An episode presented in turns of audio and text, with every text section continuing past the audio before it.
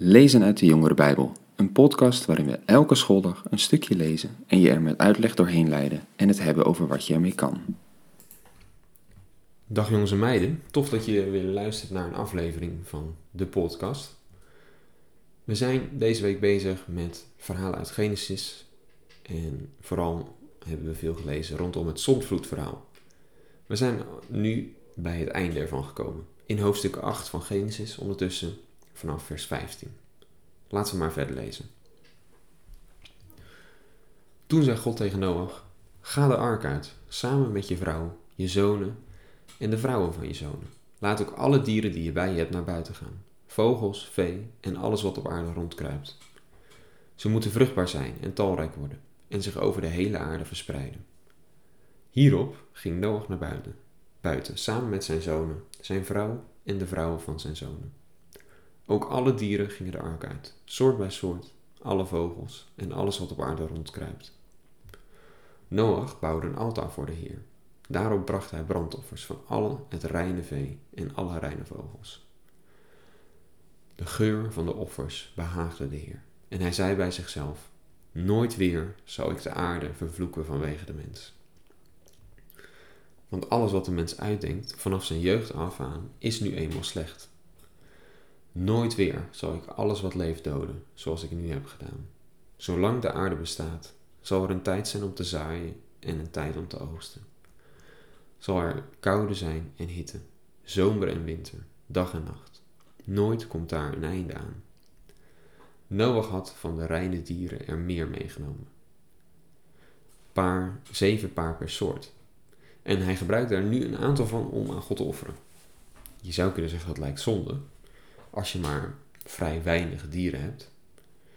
Uh, en je hebt dat nodig om de aarde opnieuw van dieren te voorzien.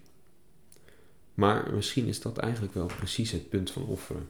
Je geeft iets wat heel veel waard is, iets wat je misschien eigenlijk niet kan missen. En vaak is het het stuk, is het stuk het beste wat je hebt, zodat je daarmee God kan danken voor alles wat Hij geeft.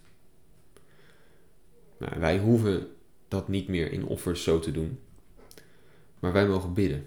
En het is wel goed om altijd te blijven, dankbaar te blijven voor wat God doet en aan ons geeft. En dat kan je heel gauw uit het oog verliezen. Laten we nog een klein stukje lezen. We zijn nu in hoofdstuk 9 aanbeland. Toen zegende God Noach en zijn zonen. Hij zei tegen hen: Wees vruchtbaar en word talrijk, en bevolk de aarde. De dieren die in het wild leven, de vogels van de hemel, de dieren die op de aardbodem rondkruipen en de vissen van de zee, zullen ontzag en angst voor jullie voelen. Ze zijn in jullie macht. Alles wat leeft en beweegt zal jullie tot voedsel zijn. Dit alles geef ik je, zoals ik je ook de planten gegeven heb. Maar vlees waarin nog leven is, waar nog bloed in zit, dat mag je niet eten. En ik zal genoegdoening eisen, wanneer jullie eigen bloed, waarin je levenskracht schuilt, vergoten wordt. Ik eis daarvoor genoegdoening van mens en dier. Van iedereen die zijn medemens doodt, eis ik genoegdoening.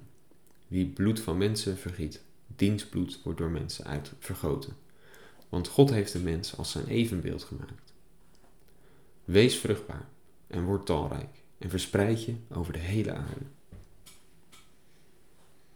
Nou, als Noach en zijn zonen de aarde in mogen gaan en de aarde opnieuw mogen bevolken, dan krijgen ze gelijk wat basisregels mee.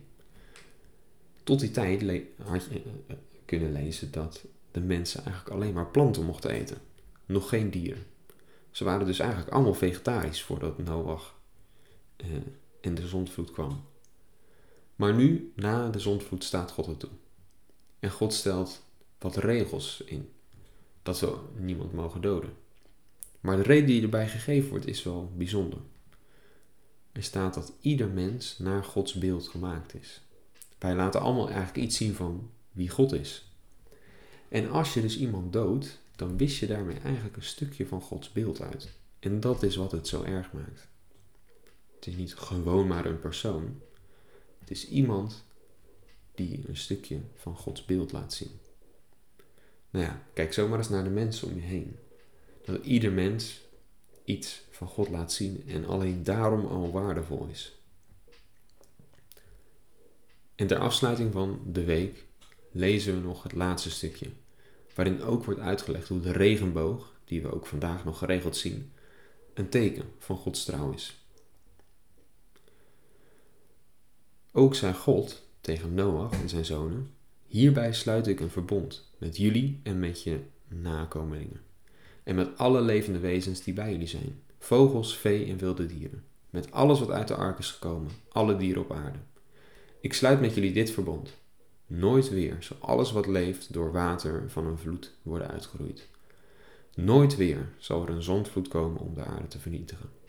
En dit, zegt God, zal voor alle komende generaties het teken zijn van het verbond tussen mij en jullie en alle levende wezens bij jullie.